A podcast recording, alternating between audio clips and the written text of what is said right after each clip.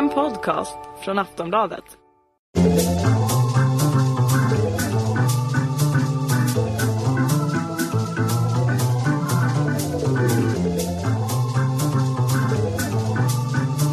We don't need no education. Yeah.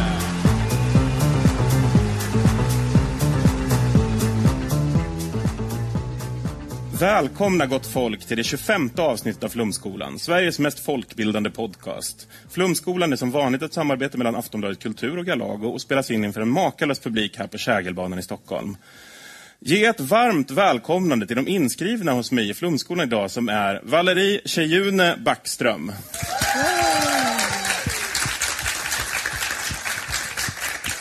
Julia Skott. Oisin Cantwell. Och ständig studierektor här bland de lärde i Flum är som vanligt jag, Johannes Klenell. Innan vi kör igång ska jag bara säga att ni nu även kan hitta Flumskolan på Facebook. Gå in på facebook.com flumskolan och gilla oss där om ni vill. Per Schlingman är som inbitna lyssnare av Flumskolan och typ alla som någon gång tittat på nyheterna kanske minns Moderaternas kommunikationsmed. Vi har tidigare läst hans Stå aldrig still och sedan dess har Schlingo lärt sig njuta av livet. Han har blivit kompis med Kjell A Nordström, forskare vid Handelshögskolan och tillsammans har de skrivit en bok om city, brudar och mobiltelefoner.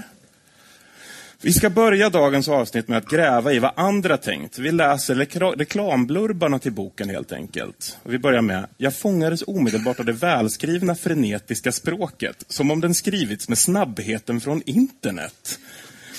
Jag tror jag, in, jag tror jag insöp hela boken med ett leende på läpparna. Kanske för att den bekräftar tankegångar som jag och många med mig har samtidigt kanske gör det lättare för mig att föra dem vidare och få gehör för dem i min ledning. Det finns massor att ta till sig i boken.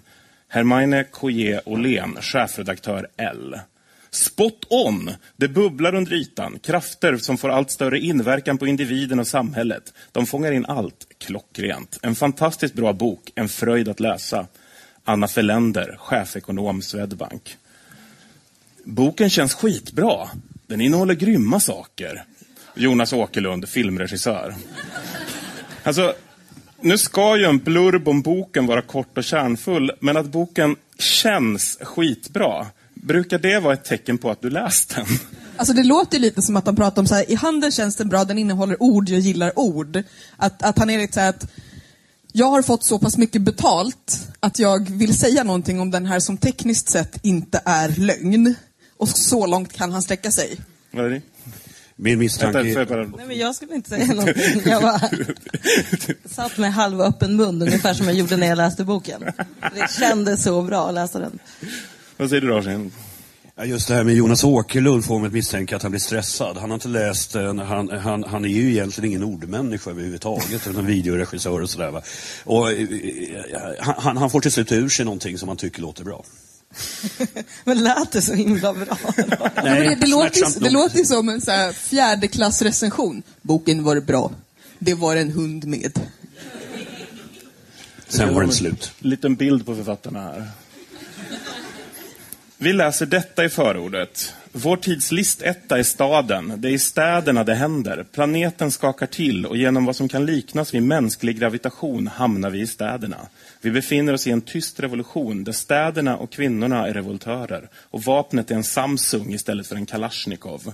De multinationella företagen blir multiurbana företag. Det urbana är det nya svarta och borgmästarna blir vår tids premiärministrar. Alltså, kände ni att ni behövde läsa så himla mycket mer än det här? Nej. Nej, ja, men det, det, alltså det, den, det roliga, det här är verkligen ur exemplet på det jag tänkte, eller ja, så här var det. Jag började läsa och kände lite, vad har jag gett mig in på, varför låter jag Johannes göra det här mot mig jämt? Eh, och sen kände jag att alltså, den här och hela boken känns lite som, ni har alla använt, testat den här, så här Facebook-statusgeneratorn. Den tar era gamla statusar och så mörsar den ihop den och så blir det någonting så här, eh, jag har 72 bananer på min kiwi, eh, nu ska jag och Palo Alto, och det, det är liksom ungefär så det är. Det så staplas ord som typ blir meningar där man är lite så här, jag vet vad alla de här orden betyder. Eh, och jag känner, alltså det är lite så att man tar andra människors eller sina egna extremt inspirerande föredrag och så kör man dem genom en sån här hipster-korvmaskin. och sen trycker man det som kommer ut. Alltså, redan det här förordet ger vid handen att det kommer bli en smärtsam upplevelse att ta sig igenom den här boken. Va? Därför det är ju helt uppenbart att det här handlar om människor som inte kan skriva. Alltså, med de här konstiga liksom, metaforerna, jorden skakar till. Nej, men det syntes inte på Richterskalan. Kalashnikovs, liksom, nej, men det, det, det, det, räcker egentligen med det. Okej, de här bör ägna sig åt något annat än att skriva. Och jag tror att de tänker göra det också. Jag tror att de tänker hålla föredrag. Eh, där de kommer sälja den här boken med en iSettle-dosa. Eh, och så Den är liksom skriven som det här föredraget. Att man kan liksom se var i boken de kommer så här ah, ny slide! Och, så här, och, och så här, titta på. Så här kommer det vara en slide på Zlatan och så kollar bara ah. Och här är en slide på killen som gjort Spotify. Oh. Jag tänker att det är liksom motsvarigheten till de här, när man var liten, de som var i samma ålder eller äldre, äldre än mig, när man hade de här kassettbanden med en medföljande liten bok. Som bara, när du hör det här ljudet är det dags att vända blad. Det är liksom den fast på en högre nivå. Ljudet du hör är kaching! Ja. Ljudet av en F-skattesedel. Eh, ljudet av ett konto på Seychellerna. Vi har ju konstaterat att du liksom redan har sagt sitt här, men vi fortsätter ändå. För att du hatar oss. Plötsligt får en tanke vingar. Det är underligt, det är fantastiskt. Det är sådant som ibland ter sig obegripligt. Kanske är det så det mesta blivit till. Ett barn, ett företag eller ett politiskt parti. Slumpen spelar en mer eller mindre stor roll. Sedan ägnar vi åratal åt att försöka förstå vad som hände. Den här gången blir det en bok om staden, kvinnor och kunskap. Alltså jag kan hålla med om att det är obegripligt hur den här boken blev till. Men menar de verkligen att det är helt obegripligt hur ett barn blir till? Ja, de skriver ju bokstavligen detta och det är ju fullständigt häpnadsväckande. Det här är ändå människor, män som har varit med ett tag. Kom Ja, fast igen. det finns ju också män som bara, va? Säger du att tjejer har tre hål? Så jag tänker mig att det är liksom det de är. Ja. ja, varför inte? Men efter att ha läst den här boken, eller vad säger du? Kommer du ägna åratal åt att försöka förstå vad som hände? Tyvärr tror jag typ att jag kommer göra det. Det här är den värsta läsupplevelsen jag någonsin haft. Och då läser jag nog ganska mycket dåliga böcker. Men också kanske det här med hur ett barn blir till. Efter att ha läst den här boken börjar jag också undra hur ett barn blir till. till att för, alltså hur man får till ett barn som man vill ska födas till den här hemska världen där sådana här böcker skrivs. Och också om man kollar på budskapet som jag tänker att vi ska prata om senare. Den urbana galaxen. En osynlig armé av vänner och kollegor står bakom oss. De har hjälpt oss och de har format oss. Utan deras insatser hade det inte varit möj- möjligt för att teckna en bild av den besatta, virriga och vilda tid som domineras av staden och kvinnors frammarsch. Alltså den här osynliga armén är ju två saker. Dels är det ju osynlig i bemärkelsen det är så här, alla här håller faktiskt med mig, det är bara jag som vågar säga det. Den här klassiska så här, på Facebook, bara alla, alla andra håller Det andra är så här, den osynliga armén är ju så här, ja, hon städade åt mig eh, så att jag kunde skriva, hon lagade maten åt mig så att jag kunde skriva, han och så vidare och så vidare. Men alltså jag får en känsla av, kan, det, det är lite kejsarens nya kläder. Kan ingen bara säga åt dem här att de inte har några kläder på sig? Det finns ingen osynlig i armén. Ni, ni, ni, ni är knasiga. Vi går på första De kapitlet. har inga vänner. Första kapitlet heter Ständigt denne Marx. Kalle Marx fick rätt. Nu gör vi det. Vi människor äger de kritiska produktionsresurserna. Vi bor på en flygande marknadsplats. På kort tid har vi förvandlat vår planet till en enda stor basar. Marx fick rätt, men samtidigt fel. Kommunismen är närmast utrotningshotad. Av världens cirka 200 länder är det idag blott Nordkorea som går sin egen väg och praktiserar något slags hemsnickrad blandning av kommunism och religion. Alla får vara med och vi kan inte längre välja. Ett system, en matris, det är en stor idé som dominerar planeten för den av oss som inte har en fetisch för den stora efterträdaren Kim Jong-Un eller gillar Nordkoreas originella shopping. Marknadsekonomi för alle. Det, det, det är rätt peppig stämning här va? Vad är den där originella shoppingen som man kan göra i Nordkorea? Jag är jättenyfiken. Jag tror att det är så här, tandkrämen tandkräm. Overallen overall. Som på Konsum. Ja, precis.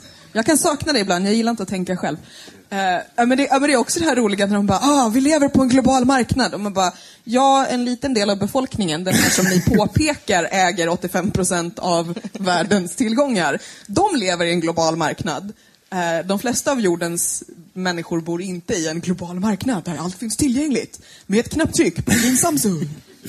Eh, alltså, jag menar, i- i- det är ju så att de har ju naturligtvis rätt i att väldigt mycket har blivit bättre och, och, och sådär. Va? Men i- så himla glättigt som de framställer det i den här boken är det faktiskt inte. Alltså, vi har fler människor på flykt just nu i världen än någonsin tidigare sedan andra världskriget. Va? Det är, så, allt är inte bara en global IT-fest. Alltså, det, tyvärr. Sen är det också så att det här du läste upp nu, alltså redan där ville jag hoppa ut genom fönstret. Kalle Marx. Men eller hur? Alltså där borde man Alltså- behöva lägga pengar i Ja, douchebag-burken. Ja, men det här är nämligen, det här är alltså något så avskyvärt som utpräglad moderat humor, vilket ta mig fan är det värsta jag vet. Alltså det, det, det, alltså jag har hört det här hela mitt liv. Eh, vilse i pannkakan förstörde min barndom. Jävla skitsnack. Det finns människor som går igenom vidriga barndomar. Och att ha tittat på jävla fucking tråkiga vilse i pannkakan är liksom inte ett av dem.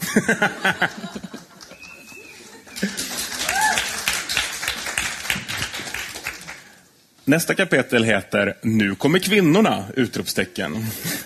Vi handlar med varandra, vi pratar med varandra, vi leker med varandra. Kvinnor kommer ut överallt. De börjar gå om män i termer av utbildning, även i många utvecklingsländer. Se bara på situationen i Teheran, där ungefär 60 procent av studenterna på universitetsnivå är kvinnor. Friare, fiffigare och friskare än någonsin är lite drygt 50 procent av världens befolkning redo att växla in ekonomiska och vetenskapliga kvantsprång till rent humanistiska dito.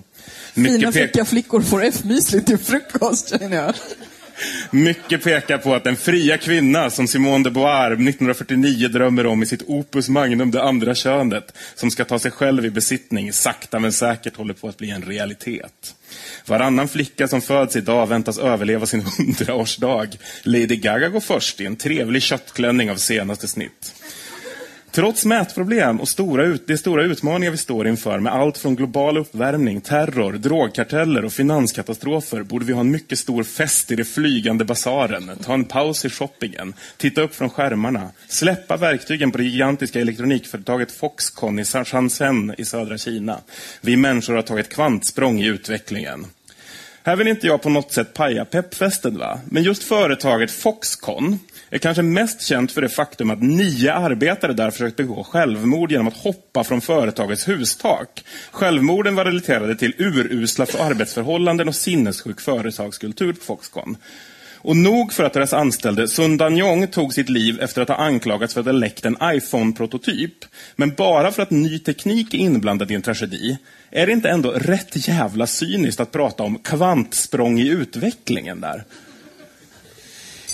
Alltså, det här är ju hopplöst. De har ju i och för sig rätt i sak i att eh, kvinnorna springer fortare, fortare och fortare och, och, och liksom blir mer och mer välutbildade. Männen halkar efter. Så långt är det okej. Men sen så spårar det ur fullständigt. Det här är ju som ett jag vet inte, väckelsemöte i Livets Ord eller något sånt där. Va? Det, det, det, det, är liksom, det är bara halleluja allting. Och Sudan brinner, eh, eh, eh kvinnor våldtas i krig, eh, all, allt möjligt liksom. Inget av det här finns med. Allt är bara liksom en enda stor glad fest. Men eh, jo, det är ju med. De nämner det ju Ja, ibland. ja, ja, Men sen så ja, ja, återgår ja, de ändå till att vi alla sitter på något jävla tåg på väg till ett cocktailparty och festen kan börja. Allt med. Men På den här är- flygande basaren. ja, jag fattar verkligen ingenting om det där. Men en sak som jag undrar, det där med Lady Gaga. Menar han, att, eller de, att hon är redan över hundra år gammal? För då vet de ju någonting som vi inte vet. Fast jag tänker att det är li lite som det här, Elizabeth Bathory ska ju ha badat i oskulders blod för att hålla sig ung. Så att de vet någonting om den här köttklänningen som vi inte vet. Där har vi det. Vi ska lyssna på vad en av författarna till boken säger om det här. Han säger så här, och det här är inte Schlingmann utan den andra. Men om man vänder på frågan, den här frågan om jobb har jag till alltid tyckt var lite kul ända sedan jag började på Handelshögskolan. Eh, varför ska det arbeta så förbaskat mycket? Och i synnerhet med sådana här trista grejer som att man ska hålla på och böja avgasrör, köra lastbil. Vad är det för bra med det? Om vi ska vara ett av världens tio mest avancerade samhällen. Det finns 200 länder idag på den här planeten, för det finns det. Vi ligger på alla listningar på topp 5 eller 10 Oavsett om man mäter jämlikhet eller eh, tjejers livslängd eller bebisdödlighet. Man kan mäta på olika sätt. Vi ligger alltid på topp 10. Men är det då rimligt att vi ska hålla på med såna här konstiga grejer som att tillverka mobiltelefoner eller något annat konstigt? Naturligtvis inte. Det kommer ju vara så att i de här tre städerna plus London som kommer hit så börjar vi experimentera just med hur man underhåller varann, sköter om varann, masserar varann, pysslar med varann. Det är så att vara rik. Man blir lite dekadent, men det är väl inget läskigt med det. Så införa någon sorts medborgarlön och klia varandra på ryggen? Nej, nej. Nej, nej. Ingen medborgarlön inte, det är inte det jag menar.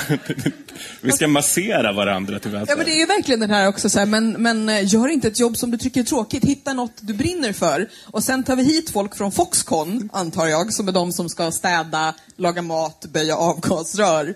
Eh, medan vi andra kan gå omkring och liksom eh, flyga till basaren, typ. Ja, men alltså, eh, man fattar ju att han försöker vara rolig och inte riktigt lyckas, för att uttrycka det milt. Eh, Fast det är ju roligt. Fast Ja, inte som han har tänkt det tror jag. O, oavsiktligt är det ju roligt, va? men han, han, han, han, han, han, han verkar vara fullständigt eh, omedveten om att det behövs massa människor som bär upp samhället, vare sig de kör tunnelbana eller städar eller eh, sitter i kassan på ICA. Liksom. Det, det, det, det är en häpnadsväckande omedvetenhet och, och, och, och liksom, för mig framstår det här närmast som liksom en konsekvens av eh, psykiatrireformen då vi stängde, då vi stängde dårhusen. Liksom. Ja, men det, jag tror att det också är det här att, att han har ju insett att han bidrar med noll till samhället, ekonomin eller någonting annat. Förutom antar jag till BNP, han asfalterar och asfalterar om sin egen uppfart. Eh, och då blir den här klassiska så här, jag har skaffat barn, därför ska jag förklara för alla andra varför det är fantastiskt att skaffa barn. Alternativt, jag har inte skaffat barn därför. Så att det är lite så här, jag bidrar inte. Jag är som liljorna på marken, som varken sy eller spinna. Och då ska han förklara för alla andra också varför det är så fantastiskt. Jag vet inte, när, jag- när jag liksom, vi pratade lite om deras kunskap och, och de säger så här vidare. Kunskap är lustigt nog som ett envist herpesvirus. När man väl fått det är det väldigt svårt att bli av med. Och det sprider sig dessutom gärna. Till gagn för oss alla. Alltså, vad är det här för liknelse? Valerie? Ja, jag i och för sig tycker att det ringar in boken ganska bra. För det är så min hjärna känns nu, infekterad. Är det till gagn för oss alla? ja, jag kanske. Jag har ju munherpes, det kommer typ ett skov om året. Va? Typ när jag varit, varit stressad, haft för mycket att göra eller inte mår riktigt bra. Va? En sak är glasklar, det är inte till gagn för alla. Det är, inte ens till gagn för mig själv. Alltså. Det, det, det, det, det, är inte vackert, det ska gudarna veta. Liksom. Och jag tvingas köpa någon jävla salva på apoteket och hoppa på. Liksom, och folk säger, du har fram, eh, tandkräm i munnen. Lägg av, jag har herpes. Men återigen så handlar det här om Alltså det är män som inte kan skriva, så liknelserna, metaforerna är för dåliga. Alltså det funkar Alltså, de har ju inte. googlat fram dem. De har kört den här, så här nu ska jag skriva uppsats. Och så många liksom, referenser, aforismer, liknelser citat jag kan trycka in för att visa så här. Jag vet vem Lady Gaga är. Nu ska jag skriva Lady Gaga så att ungdomen hakar på. Och överallt är det så att det, det kan inte bara vara så att de kan nämna någonting, utan de ska visa att de vet vad det är. Så att när de nämner The Matrix så är det Wachowski, de säger bröderna, men det är Wachowski-syskonens film The Matrix. Och när de pratar om House of Cards så är det inte House of Cards, utan det är den Netflix-producerade tv-serien House of Cards. Ja, ja, så det är verkligen så här, vi har referenser, vi har referenser! Kolla, vi har, vi har popkulturella referenser och vi har referenser till referenserna! Som en så här odräglig gymnasieunge som bara, jag har minsann läst.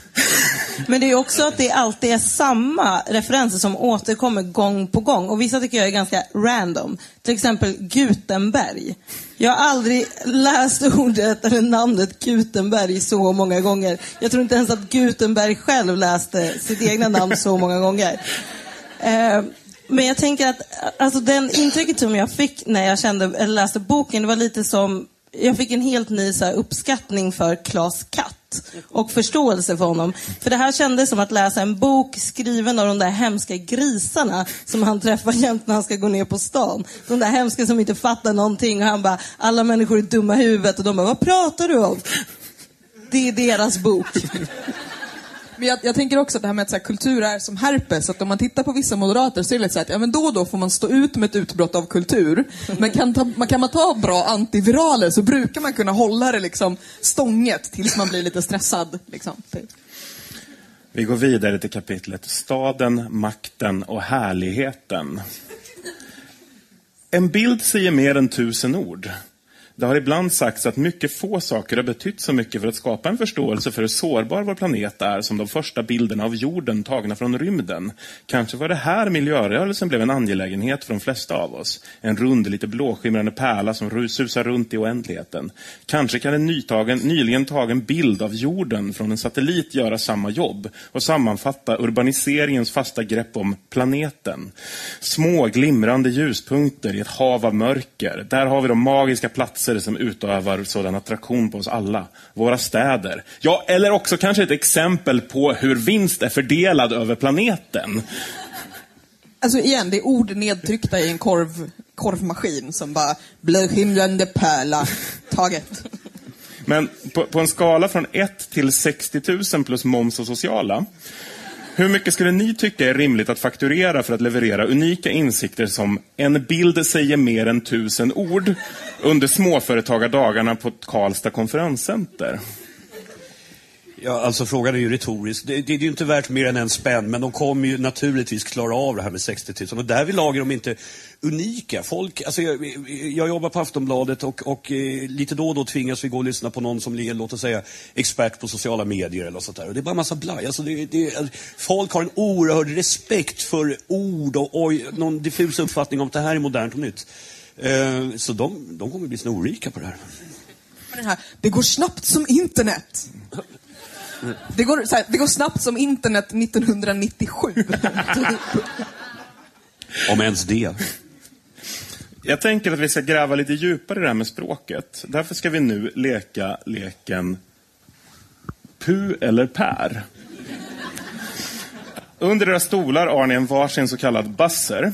Jag ger er ett citat och ni ska gissa på om det är Nalle Puh eller Urban Express som säger visdomsorden. Och har vi fel får vi en stöt för att du har den där. Eller? Nej, inga stötar. Men den låter för jävligt. Den här är nämligen köpt på den globala marknaden via Ebay. Eh, Wow. Någon har hoppat ut genom ett fönster. Förmodligen. Men den som gissar får ett poäng. Det blir tio citat här. Jag vet inte varför den blev sådär. Blodiglar för medicinskt bruk. Se där. På leeches.biz kan vi beställa Hirudo Medicals för 8 amerikanska dollar stycket. Visserligen tillkommer shipping på 25 dollar, men vi slipper i alla fall starta en egen uppfödning. Det är Urban Express. Det här citatet minns jag. Väldigt, väldigt tydligt. Du har helt rätt. Det är korrekt. Ett poäng till Valerie. Hur underbart skulle det vara att ha en riktig hjärna som kunde tala om saker och ting för en? Det är pu. Korrekt. Ett poäng. När du trillar ner på någon räcker det inte att säga att du inte kunde hjälpa det. När allt kommer omkring kunde han förmodligen inte hjälpa att han hamnade under dig. Valerie. Pu. Det är korrekt. Två poäng till. Min funkar inte. Är du säker? Har du Vi har tryckt? korrigerat för manligt privilegium. Ja, jo då. Inte, inte en dag för tidigt. Låt oss tills vidare lämna de höga hästarna i hagen. De är svåra innan. Fan, jag har ju haft de här citaten med mig hela tiden. Ni ska få vara med här. Här kommer de. Låt oss tills vidare inte lämna, lämna de höga hästarna i hagen. De är svårridna. Jag tror att det är Per. Ja, det är Urban Express. 2-2 och 0. Samhällsjournalisten ligger efter där. Ni fuskar ju. Företag är viktiga. De hittar på. Alltså jag vill ju säga pu, men jag tror att det är Per. Ja, det stämmer. Urban Express. Om snöret inte håller, utan går av, är det bara att försöka med ett annat snöre. Pu. Det är korrekt. Det är Nalle Puh. Om snöret går sönder är det fel på den osynliga handen. Till och med världens biltillverkare har insett att kvinnor inte är små män. Äntligen. Den har börjat funka. Schlingman. Ja, det är korrekt. Poesi och visor är inte saker man hittar, utan det är saker som hittar en. Och det enda man kan göra är att gå där de kan få tag på en. Jag tror att det är Nej, ligger... Det var jag. Den har som sagt börjat funka. Ja, men det där var ju alldeles för begåvat för att eh, vara något annat än eh, Nalle Puh. Det är Nalle Puh. Jag väntar på att så här, sista frågan ska vara Nalle Puh som Schlingman likt allt annat bara har så här, klippt och klistrat in i sin bok. I stil med En bild säger mer än tusen ord. Okej, vi går på näst sista. Och nu står det väl 2-2-2? Nej, Nej, det står 3-3. 2. Det var sin Blä, blä, blä, blä. Ta den svenska DJ-stjärnan Avicii. Det är Pu. Nej, jag skojar. Det är Per. Eller leder. Sista. När man är en björn med en mycket liten hjärna och tänker ut saker upptäcker man att en idé som verkade vara en riktig idé i hjärnan är annorlunda när den kommer ut i det fria och andra människor ser på.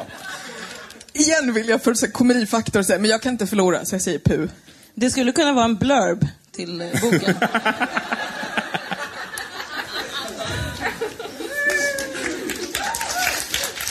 Vi kan bara ha en förlorare här helt enkelt och det blev Orsi. Ja, det blev men det är jag. så att kvinnorna liksom kommer ut, kvinnorna springer ifrån. Shit, vi lever redan i girl will. Alltså jag vill ha fört till protokollet att det här var en manipulerad historia. Manipulerad. Ja. Förlåt. Alla pekar på staden. Allt pekar på vårt habitat. När vi själva kan och får välja är staden. Landsbygden har lite eller inget att erbjuda som kan stoppa eller vända en utveckling. Idag är det sannolikt blott en global pandemi som skulle kunna stoppa eller vända utvecklingen. Mikroberna är urbaniseringens fiende nummer ett.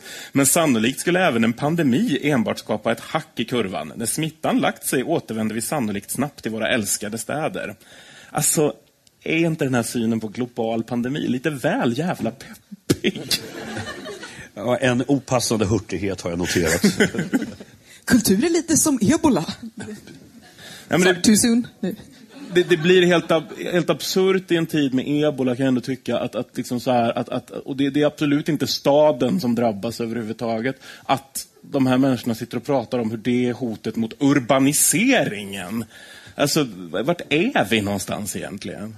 Jag tycker ändå att det är fint, för de har ändå en lite så här socialdemokratiskt alla ska med vibe boken igenom. Som jag tycker att vi inte ska förminska. Även om väldigt, väldigt många dör på vägen. Vi har all anledning att såga detta. Vi går vidare till kapitlet Den vilda kunskapen. Kärlek föder kärlek, kommunikation föder kommunikation. Ju mer vi kommunicerar, desto mer vill vi kommunicera. Under de sista 30 åren har kommunikationsteknologin utvecklats på ett Harry Potter-liknande vis. Alla till alla, när som helst och överallt, med bild i färg och till en liten eller i vissa fall ingen kostnad. Allt detta samtidigt som urbaniseringen tilltaget. Alltså, är verkligen alla till alla, när som helst och överallt med bild i färg och till en liten eller i vissa fall ingen kostnad. Verkligen på något jävla vis en Harry Potter-liknelse. Alltså det är ju det i bemärkelsen att de bevisligen varken förstår hur Harry Potter eller kommunikation fungerar. För att i Harry Potter så är det så här, det är bara några få som får, du måste betala för liksom pulvret och ödla ögonen för att kunna göra det, du måste lära dig orden och på samma sätt så är det bara vissa som både får kommunicera samt föda kärlek. Men de har i alla fall verkat förstå nu hur, hur barn blir till, tror jag. Eller? Nej, för de tar de upp sen igen, att Ja. ingen kan förstå. Men det kanske är, alltså att den här liknelsen kanske egentligen är smartare än vad vi kan förstå. För det, den är väldigt obegriplig. Och lika obegriplig för mig ter sig quidditch, reglerna. Och det är kanske där det blir liksom en liknelse till Harry Potter. Eller? Ja, men det, det, det är skönt att höra dig erkänna att du inte begrep. Va? Jag satt här och Jag kände mig fullständigt i bil. Jag vågar inte säga det här, men jag fattar inte ett ord av det där du läste upp just. Det är för mig helt... Alltså det är Men det är igen det här, kinesiska. nu slänger vi in en referens, att barnen känner att vi är med dem. Och så att de som sitter i publiken när vi är på Karlstad Conference Center eh, är lite såhär, oh, alltså de är liksom nere med kidsen, Harry Potter.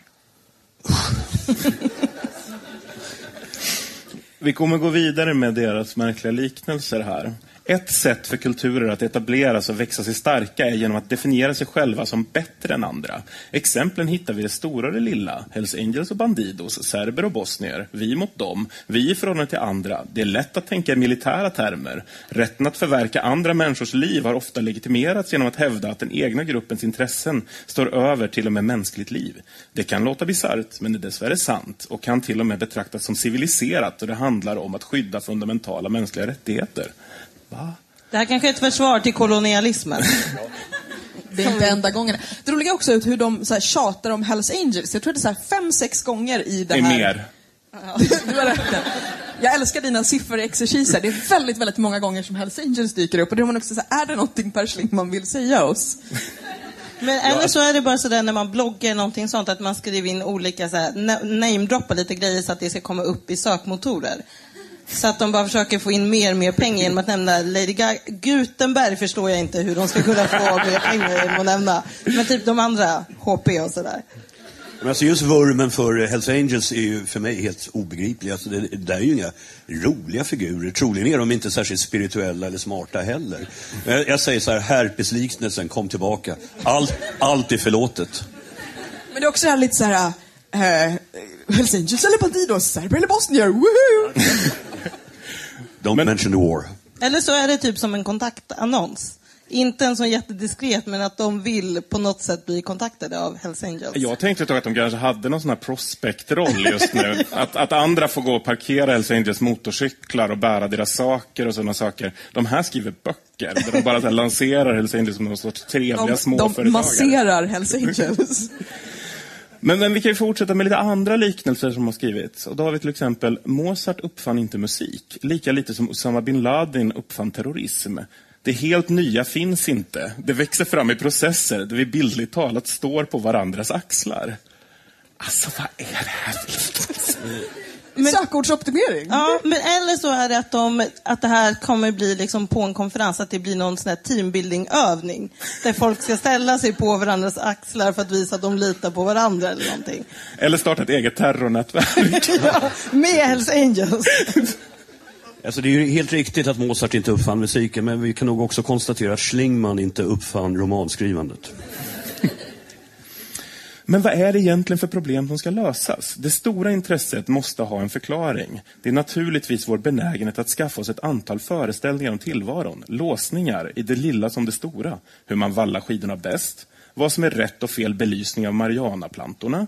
Vilken diet som leder till snabbast viktminskning. Hur man talar med hästar. Inom parentes, om man nu kan tala med hästar.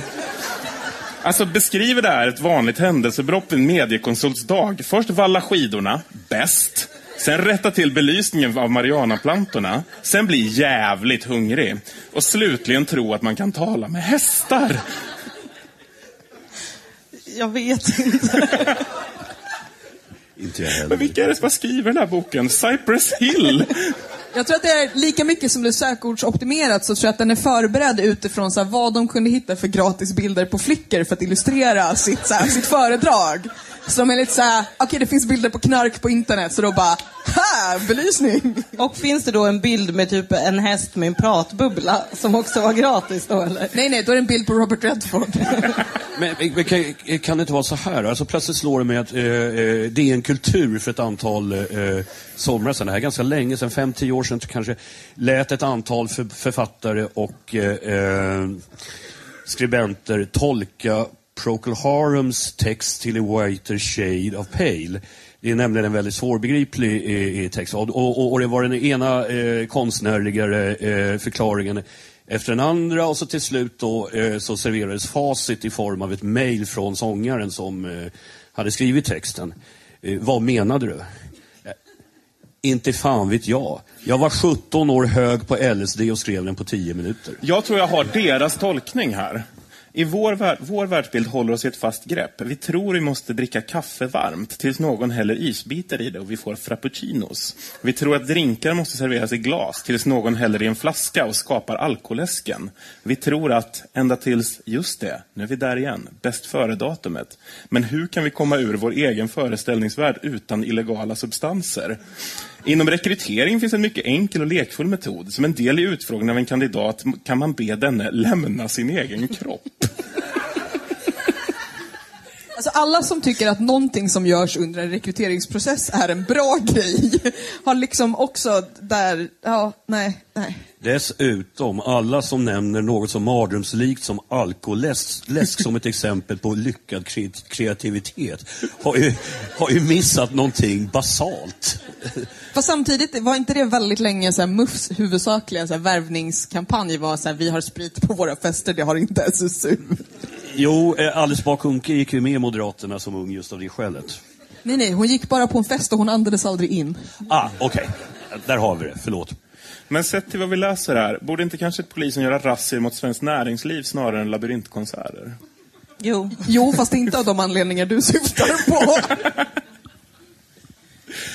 På 1970-talet började två amerikanska forskare, Chris Argyris och Donald Schön, att intressera sig för det genombrytande lärandet för en organisation. För företag handlar det på samma sätt som hos organismer ytterst om den egna existensen. Deras slutsatser kring loop eller kretslärande skulle visa sig vara både praktiskt och teoretiskt intressanta. De kom att bli ett slags lärandets kraftverk. Den tyska experimentella technopopgrupp som influerat snart, snart sagt all musik efter 1974. Vattendelaren musikvärlden före och efter Kraftwerk. Alltså, de understryker ganska hårt det här med att synt är en högermusikgenre. Va? Alltså jag funderar, börjar fundera på om man skulle ha det som en så här drinking game. Att dricka för varje väldigt konstigt instoppad referens så skulle man vara full och liksom alkoholförgiftad efter fyra sidor kanske. Men alltså, då jag, gillar ju, jag gillar ju Kraftwerk, så att jag känner lite så kränkt å deras vägnar. Att Schlingman bara, Åh. Och, och jag tror att det, alltså jag, jag gillar lite på något sätt, det är så här, Kraftwerk, det är där de är så här, det är den vattendelen som finns i musik. Någonsin. Inte Mozart. Kraftwerk. För han uppfann ju inte musiken, men det gjorde tydligen Kraftwerk. Några hundra år Men senare. det här, Nej, det kan... det är ju ett breddande av målgruppen vi ser. Va? Man, ska, man ska komplettera eh, nere med kidsen eh, som Harry. Potter med, med liksom, eh, medelåldersreferenser som Kraftwerk. Vi går vidare. Oj, publiken! Vi, vi går vidare med kapitlet Anonymous Capitalists. Världen brukade vara enkel. Vi hade industrialiserade regioner och utvecklingsregioner. Vissa länder var rika, andra var fattiga. De flesta ställen är idag både och. Det mesta har en benägenhet att vara både och i brytningstider. Vi tappar kontrollen. Mediedirektörer och folkvalda tittar sig vilse omkring. Steget mellan heroinsprutan och ledningsgruppsmötet är kortare än man kan tro. Alltså, vad är det här? Alltså jag, jag tror att det de menar är att om man bara lyckas bli ren på ett lagom snyggt sätt och skriva en bok som man kan åka runt och föreläsa om, så kan man sen få sitta i styrelsegrupper.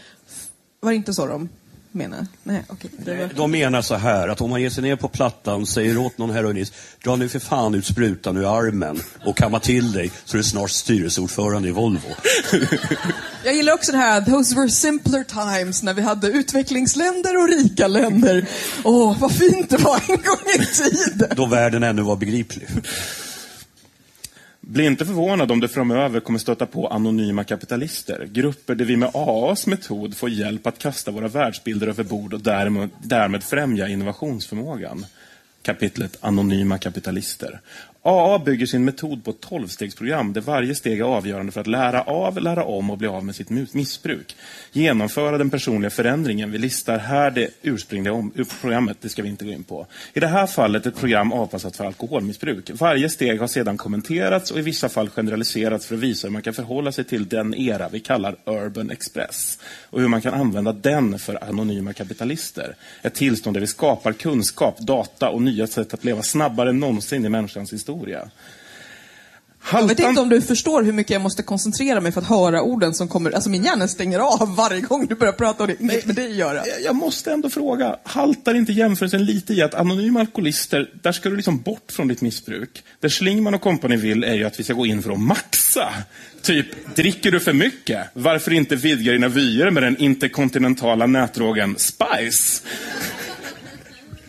Ja, men alltså, bara tanken på dessa horder av anonyma eh, kapitalister som samlas för att diskutera och ta sig vidare. Alltså det, det, Alltså jag, jag det här är ju de, kont, konstigast kanske av allt i boken. Grejen är väl att de redan möts och diskuterar. Det vore ju finare om de faktiskt skulle vara lite så här. jag erkänner att mitt beteende har sårat människor, jag ska hitta var och en av dem, be om ursäkt, gottgöra dem och lova att aldrig göra det igen. Jag tror, att, jag tror att det är steg fem. Ja, men jag tycker att det är så märkligt med den här vilda kunskapen, för det står väldigt mycket om den. Och kanske är det att jag är för ovild så att min hjärna inte kan ta till mig all den där vildheten. Men jag tycker också att det är väldigt deprimerande och så oroväckande om det är framtiden för oss urbanistor eh, som bor i någon slags girl will, att vi alla måste gå med i AA för att palla trycket. Vi kommer till den vilda kunskapen mer, för det finns mycket som du ska palla strycket kring där. Urban Express känns som, har ni sett den här på Facebook finns det en sån här hipster äh, affär namngenerator som också slänger ihop ord. Jag känner att så här, Urban Express skulle kunna sälja skor, kaffe, massage liksom. Det, alltså Urban Express, the fuck is that? Det är den där festen som vi alla åker på. På ett tåg. Första klassvagnen. Har du inte fattat någonting? Ja. Bröd finns, vi finns. Vi kan ofta se och ta på resultatet av de mest komplicerade förlopp. Att ett barn blir till är naturligtvis en process där vi ännu i detalj inte förstår varje steg. Annars skulle ju ingen leva ofrivilligt barnlös. Men om, om och när... Men om och när en bebis väl föds är denna i allra högsta grad konkret. You had me at hello Per Schlingmann, men vad fan snackar han om? Han har inte läst den här jättefina boken Ett barn blir till som kom på 70-talet med jättefina bilder av Lennart Nilsson. Och han har definitivt inte hört att, att allihopa är döda foster. Förlåt, stickspår. Jag tycker ändå att det är vackert det där i början. Bröd finns, vi finns. Alltså det skulle kunna vara poesi. Sen det är resten som, ja det fuckar upp det lite. Men tror ni de vet hur bröd blir till? Nej, men jag vet ärligt talat inte riktigt heller. Möjligen surdeg, men det... Jag ser hur de bara, allt. magnets, how do they fucking work? De effektiva belönas. Vi brukar i dagligt tal kalla det vinst. Champagne och coola fester. De ineffektiva straffas med förluster. Noll champagne, inget party. Ytterst betyder det i många fall att de ineffektiva, som den svenska biltillverkaren Saab, gradvis förlorar alla sina resurser och avvecklas och går i konkurs. Alltså det bör väl ändå sägas att, att liknande stora industrier läggs ner och folk blir arbetslösa med noll champagne och inget party är lite som att kalla Titanics öde för en udda möjlighet till bad.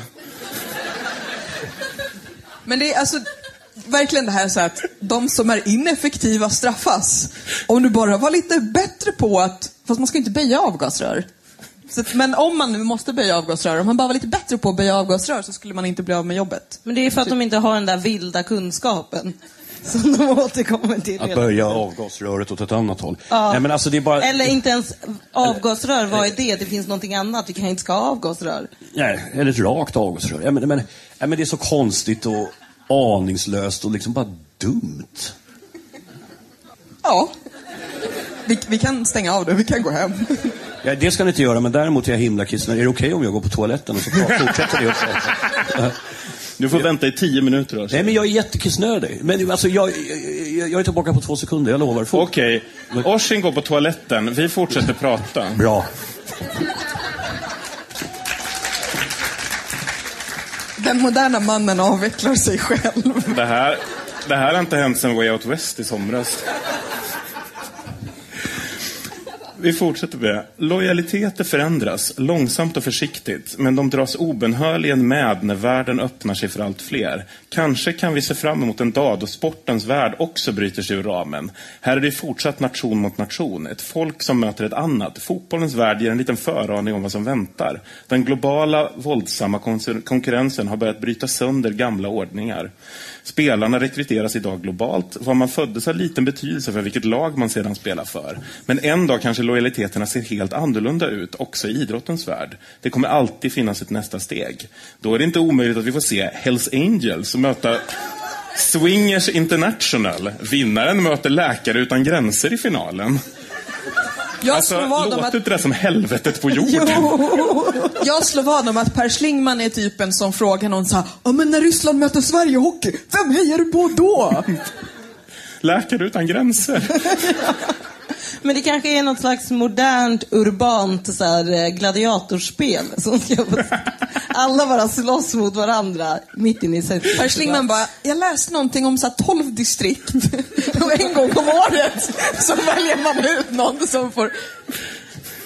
Den som är mest effektiv vinner, alla andra straffas. Vi går vidare till kapitlet För liten och för stor. Nationalstaten finns trots... Vem tror vi vem av de här två? Haha, ni tänker på Per Schlingmans penis. På Per Schlingmans penis. Oavsett vad vi tänker så tänker inte de samma sak. Det kan jag ge dig.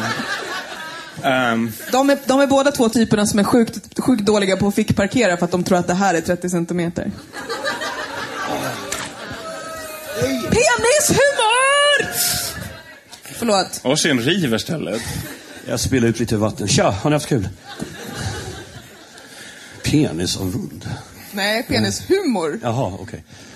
Ja, Vi skippar det kapitlet. Vi går vidare till staden i världen. Lika lite som vi med exakt säkerhet kan förklara varför kantareller växer kan vi med säkerhet förklara stadens attraktivitet. Den större frihet att forma sina liv än på landsbygden. Mer möjligheter, jobb och hopp. Oavsett vad det är vi värderar högst berättar boendekostnader, bilköer och trängsel i världens städer att vi verkligen är villiga att betala ett högt pris. Någonting finns där för oss som vi uppenbarligen inte kan få någon annanstans till ett rimligt pris. Ja, typ jobb. Ja, alltså det är så jävla mycket skitsnack i det här så att det liknar ingenting. För det första finns det ju tveklöst massor med människor som attraheras av städer. Utbudet, mångfalden, you name it. Sen har vi också massor med människor som inte har något val, som tvingas flytta till städer för att få jobb. Och så har vi nog ganska många människor som vet varför kantareller växer. Ja, det är mer. Men det tycker jag är fint. Det är också för oss som inte har så jättebra biologikunskaper. Vi gick inte i skolan. Det här är boken för oss. Jag Läs de, hellre en svampbok. alltså, de har ju kört den här också, sen när det står på Wikipedia så här, källan saknas, så det så här, ah, det betyder att ingen vet. Skriver vi det. Men det finns... Det här tar oss snabbt in på nästa kapitel som heter Fönster till kunskap överallt. Jag har kommit på varför de inte vet hur barn blir till. De är som det där barnet som så här, får det förklarat för sig bara, nej.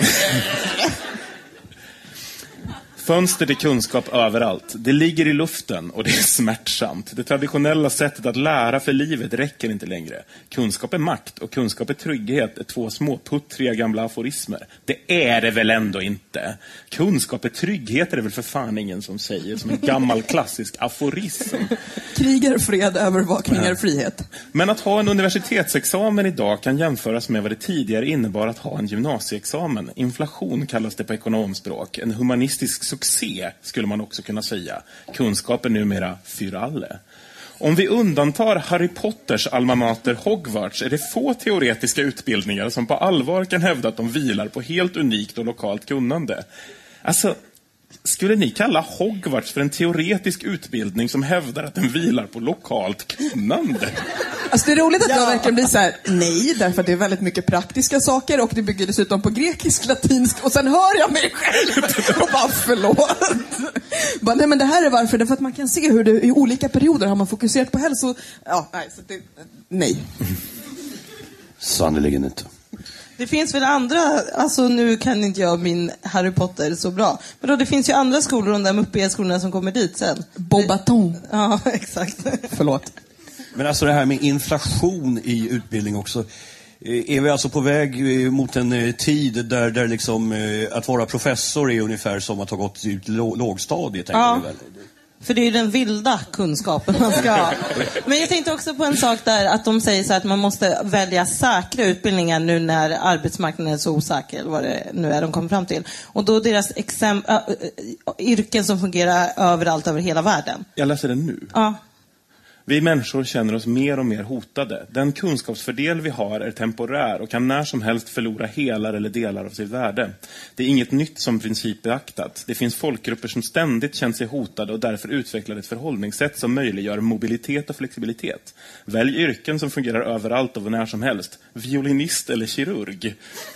Spara dina pengar i guld som kan omsättas var som helst i världen. Alltså förlåt, men annars när man har talat om för folkgrupper att det är ni som vill ha det så här flexibelt och det är ni som vill vara bankirer och det är ni som vill ha, ha tillfälliga anställningar. Det är väldigt sällan som de folkgrupperna säger, själva är de som bara ja, men låt oss flytta var sjätte månad. Samt det här med att så här, spara era pengar i guld.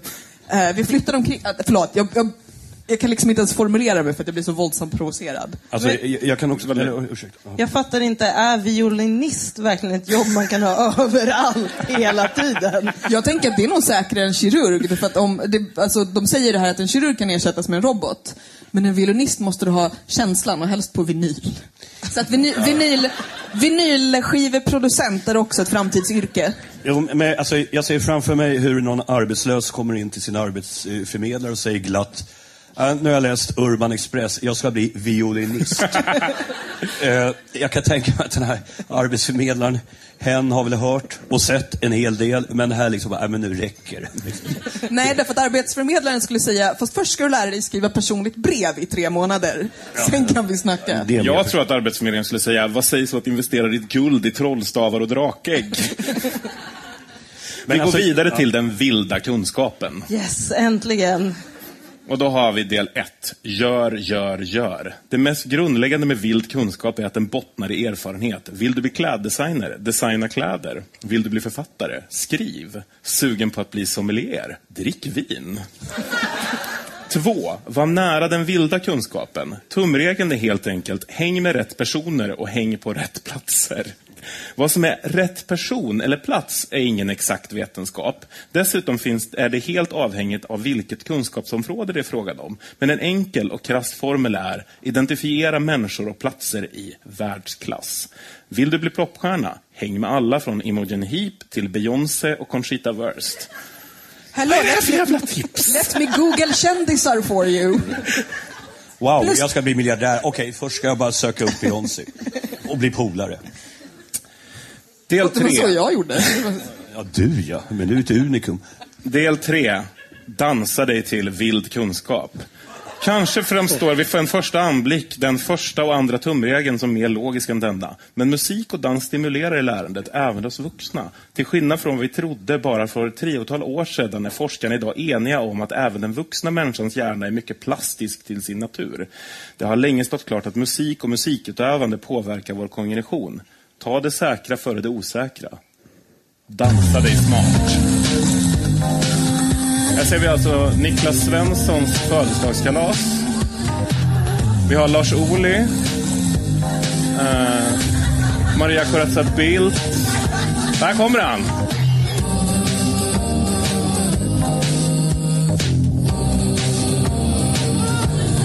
Här kommer det plastiska hjärnor, det kan jag säga.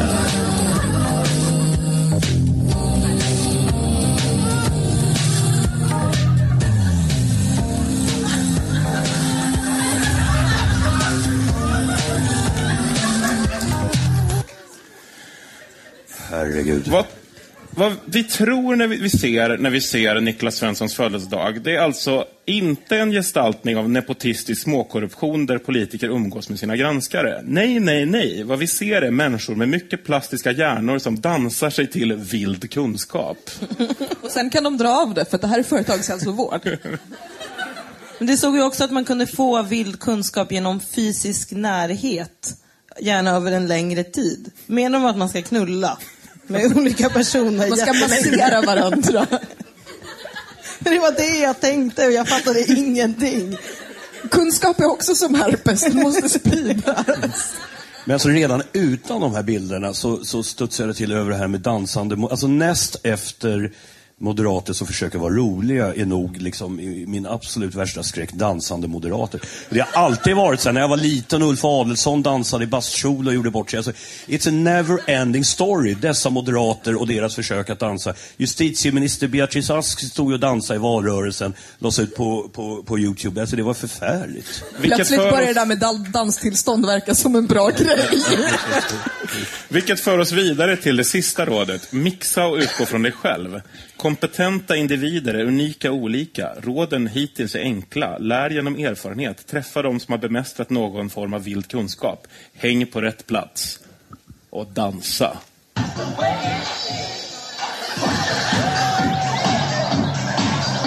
DJ Schlingman. Här får han fart på den vilda kunskapen, det ska jag lova er.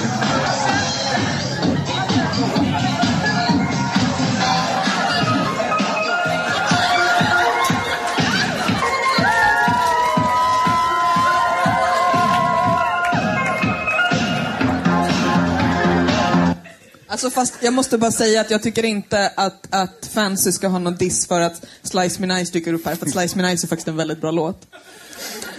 Låt inte ämnesområden eller organisationskartor begränsa. Världen är full av mer eller mindre godtyckliga avgränsningar. Lättöl och starköl, nationalekonomi och företagsekonomi, pop och rock. Här ser vi alltså Per Schlingman blanda pop och rock i Almedalen. Men det går inte riktigt att säga att han lever som han lär, va? Det är så här dansmässigt. Eller vad säger ni? Men det står ju aldrig några eh, manualer för exakt hur man ska dansa. Eller? Det är vilt. Det går vilt till. Eller vad dans är. Det är väl högst subjektivt. Ehm, vi går vidare. Vi måste, vi måste bekämpa den eh, förhärskande dansdefinitionen. Nu kommer tjejerna igen. Girlville, befriad av staden. Det är inte länge sedan våra roller i livet var givna. Förväntningarna på en ung man eller kvinna var tydliga. Livets början handlade om att förbereda sig för sin roll, eller i bästa förmåga könsroller. Eller efter- efter bästa förmåga. För, könsroller, familjen, arbetet. Det fanns ett manuskript. Så, så är det inte längre. Den urbana revolutionen sveper bort det mesta av de etablerade strukturerna. Urbanistorna tar för sig av den frihet som bjuds så lite till. Män och kvinnor, alla är med. Den här gången verkar, intressant nog, kvinnorna komma först. De är hänsynslösa i sin önskan att komma ut och beväpnade med det mest potenta vi någonsin skapat för att riva institutioner och maktstrukturer, kunskaper och sin mobil. Det är bara rimligt om man läst Simone de Beauvoir. Tusentals år av ofrihet böder lust att pröva. Mönstret repeterar sig och hypoteserna för framtiden är tydliga. Utbildning idag, makt och pengar imorgon. Vi närmar oss Girlville. Invändningar finns naturligtvis alltid. Andelen kvinnor i världens parlament har ökat men ligger fortsatt under de 30 procent som FNs ekonomiska och sociala råd hade som mål för 1995. Alltså Aj. har de ett enda jävla belägg för det de skriver? Källa saknas. Men sen också det här med sin kunskap och sin mobil. Det var ju bara några kapitel sen ingen skulle tillverka mobiler, för det var ju helt värdelöst. Alla skulle ägna sig åt vild kunskap, eller vad det var som gällde just det kapitlet. Jag, Nej, nej, på Foxconn ska de tillverka mobiler. Ja, så var det kanske. Till oss, Okej. med sin vilda kunskap till oss. Det. Alltså det roliga är ju att klassiskt när man har pratat om så forskning så pratar man om att men det är kvinnlig kunskap, det är den vilda, manlig, den liksom manliga sättet att leva, det civiliserade sättet att leva. Eh, och städerna, de är eh, civiliserade och landet, så att han liksom blandar ihop alla olika teorier här. Så att vi ska ha kvinnor med Samsung istället för Kalashnikov. Jag vet inte om han är sponsrad av Samsung också. eh, och liksom vi ska, vi ska drälla omkring där på vår flygande basar och inte göra avgasrör. Har, är, är, liksom, är jag ikapp? Har jag bockat för? Är det något mer som jag ska göra? Jag har glömt. Ja, alltså, ja, det är det säkert. Men är det i det här sammanhanget eh, de också får ur sig att naturen åker i baksätet? Ja. Vilket jävla baksäte. Wow! Nu ska vi berätta om kvinnans tre hål igen. Nej, förlåt. Det var... Du, de känner jag till. Men det kommer ju tillbaka sen med naturen, för då säger de till exempel att företag måste ta ekoansvar och alla vi människor som bor i staden gör det för att vi har på oss armband där det står typ ett spexigt budskap istället för dyra typ så här diamant. Och vi ska gå från ego till eko. Alltså på Ja. riktigt skriver han. Och, Att vi ska... och då står det ju också så här med Star, att de visar, tar Starbucks som ett exempel på ett företag som bryr sig om fler än andra för att de har förbjudit besökare att ha på sig vapen där inne. De har inte Jag ens förbjudit... fattar inte hur det är ett klimattänk. De säger också så här, please don't. Lämna Kalashnikoven utanför, snälla. Ta med dig din Samsung istället. Ja, precis. Nu ska jag läsa det som jag tyckte nästan var nyckelfrasen för hela den boken. Och den svenske professorn Järnelöv som ser ett Amazonia födas har kritiserats för att vara alltför optimistisk. Inte minst av kvinnliga genusforskare. Det ligger i sakens natur. Samhällsvetenskap är ingen exakt vetenskap. I synnerhet inte när vi tolkar mönster på en så här hög aggregationsnivå. Vi har att göra med indikationer och mer eller mindre kvalificerade hypoteser. Är tolka mönster på en så här hög aggregationsnivå en synonym för vi hittar bara på? Jag älskar också när folk som ägnar sig åt så här, typ nationalekonomi ska påstå att samhällsvetenskap är en oprecis vetenskap. när, när ekonomer är så här, det här är en naturlag. Ja, och ekonomer, framförallt nationalekonomer vet vi ju, de har ju sällan eh, oftare rätt än låt oss säga en meteorolog. Va? Så det- jag menar, det, det, det, det, det, det är så mycket... åh, Ja, jag vet inte. Jag är så trött efter den här timmen. Så jag... Men det är ändå... Du har ändå även, fått gå ut och andas. även här tycker jag att det är att de slår ett slag för oss som inte var så duktiga i skolan. För det är också så här som man kunde göra när man hade liksom en text som man ska lämna in och man vet att man måste ha källor på det, men man orkar inte. Så då skriver man sin egna text och sen så bara bläddrar man i en bok och hittar någonting som inte säger någonting alls, klistrar in det som en del i ens tes. Och så är ju ungefär hela boken eh, uppbyggd. Ja, redan de gamla finns- grekerna. Ja, fast det finns inga källor överhuvudtaget. Men liksom samma mode, så jag Men, de, de, det. men det är det jag säger, så allting ska ha en referens som har en referens och så ska man påpeka att så här, Philips är faktiskt ett holländskt företag. Kolla, jag har läst på. Det här är ju, alltså, det här är ju två väckelsepraktikanter vi, vi, vi har stiftat bekantskap med och de eh, behöver inga källor. Men jag undrar om det här kanske är också, eh, det här kanske är en konspirationsteori. Men, eh, så please bear with me. Men jag tänker så här, i scientologrörelsens, eller kyrkans tro, nu är det här hemligt så jag vet inte om jag får gå ut med det. Eh, så är ju det, då finns det ju så här, alltså skapelseberättelsen eller vad det nu är, är ju att det fanns massor med personer som bodde på en planet som blev tillfångatagna av den onda rymdkonungen, kejsaren Xeno. Och satte sin 3D-bio och blev hjärntvättade i typ tusen triljoner år. Och det tänker jag att de försöker göra med oss nu, fast genom en bok. Jag kan ge direkt svar på det här. Fattiga kvinnor i slumområden är till exempel fortsatt en mycket utsatt grupp. Kvinnorna är fler än männen i städerna och har större frihetsgrader än sina systrar på landsbygden. Absolut. Hoppfullt och i rätt riktning, särskilt i staden. Och alldeles särskilt så i några städer. Men låt oss trots alla goda nyheter behålla en nykter syn på tillvaron. Mycket återstår att göra. Singel på en jättelik urban marknadsplats i ständig förändring och tillväxt. Det låter som en passage ur en Star Wars-film.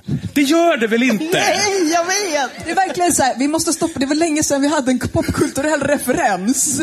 Men vad då är det typ om man har mixat ihop Sex and the City med Star Wars? Och då blir det så här singel på en... Eller, eller är det jag som inte kollat på Star Wars så noggrant? Ja, men de är inte ihop med varandra, det får jag ändå ge honom. I början. Eh, men, men inte fan, alltså de är på en dödsstjärna, inte en stad. Alltså, De är på ett antal planeter också faktiskt. hur många urbana planeter är det? Nej, det, alltså det, de är faktiskt nästan bara agrara planeter, nästan de allihopa. spränger en urban planet i början. Men de kanske menar att också här och att det är den, urbanas, den urbana verkligheten vi ska leva i i framtiden eller nu, jag fattar inte om vi redan gör Det, det. det är den vilda är kunskapen. Du måste blunda och så måste du liksom känna den och så måste du lita på att den ska skydda dig. Den, den vilda kunskapen är the force. Åh nej. Vi börjar gå mot slutet av Du bara, boken. jag kan inte Star Wars heller. Vi börjar gå mot slutet av boken. Och då kommer vi till kapitlet Har politiken spelat ut sin roll? Politiken har inte spelat ut sin roll, tvärtom.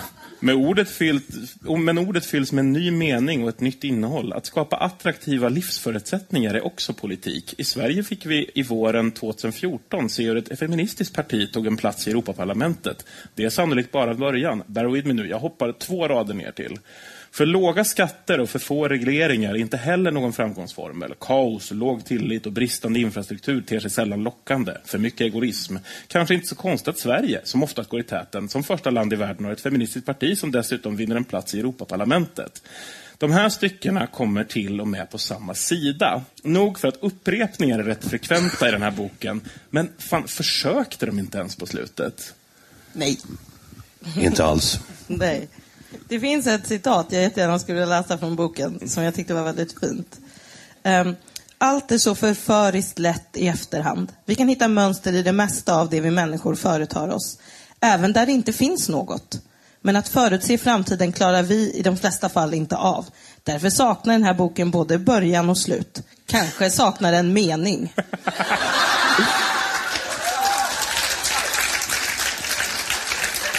Jag kan kontra det med och kan någon berätta var gränsen går mellan kosmetika, skönhetsprodukter och livsmedel när vi börjar äta oss vackra? Är Viagra ett läkemedel eller underhållning? I allt mindre grad finns det givna sektorer. Du håller en bok i din hand, men vad konkurrerar med denna bok? Andra böcker? alltså jag vet inte, jag tror inte det. För där kommer det ju också in sex igen. Då säger de så här, eller ett samlag. ett glas vin och ett samlag. Ja, men det, är verk, det är verkligen också så att det är så många teorier om vad den här boken är och där någonstans så blir det också så här, är det här ett konstprojekt? Där någon annan har betalat Per Schlingman för att låtsas att han skrivit den och så ska de se hur länge kan de lura folk att det här, liksom att boken är som ett Turing-test. Är det en dator eller en människa du pratar med? Liksom, för att det där citatet, folk som har lyssnat på oss prata om den här boken skulle lika gärna kunna tro att du så här, larvar dig och påstår att de har skrivit det. Eller bara gå med på att jo men det där måste vara med. And you will never know. Men liksom så här, hur kommer man undan med... Ja. Jag tänker på ett citat, ett annat citat från 30 Rock. I typ det avsnittet heter det? The Rural Juror. Rural Eh, Juror. I'm so happy we can work while we're on cocaine.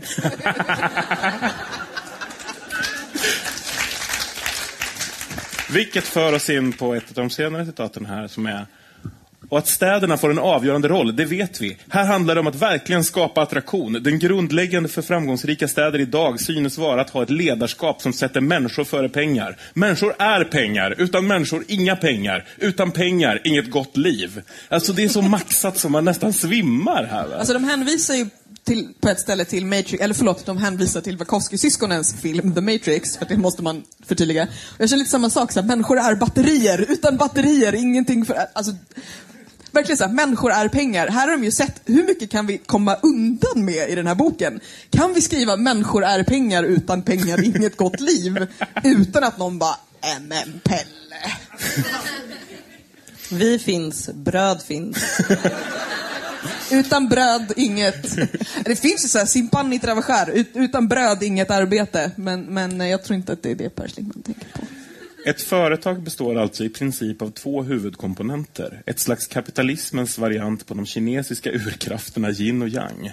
Två krafter som behöver varandra och som är två ytterligheter. Yin är den kinesiska i den kinesiska mytologin den svarta kvinnliga urkraften som symboliserar bland annat jorden och månen.